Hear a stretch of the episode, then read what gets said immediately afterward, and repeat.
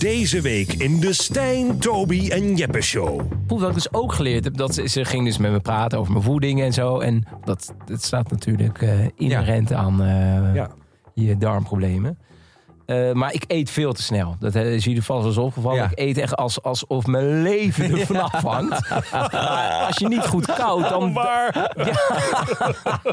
Want ik ook, eh, shared dining met Jasper is echt een nachtmerrie. Want hij schuift alle borden naar zichzelf toe. Ja, ik denk- En het is, Dat is toch een soort niet meer met hem praten. Het is niet gezellig eten. Maar hij zit gewoon alles zo snel mogelijk naar binnen te werken. Ik denk toch zo'n trauma uit een vorige leven dat ik in het gezin van tien kinderen kwam. Dat ik alles moest pakken wat ik kon pakken. Ja, Dat is weer zo voor Ja, het is echt altijd dat Jasper eh, het enigste kind geboren in de verkeerde familie is. Want hij heeft gewoon een broer. Maar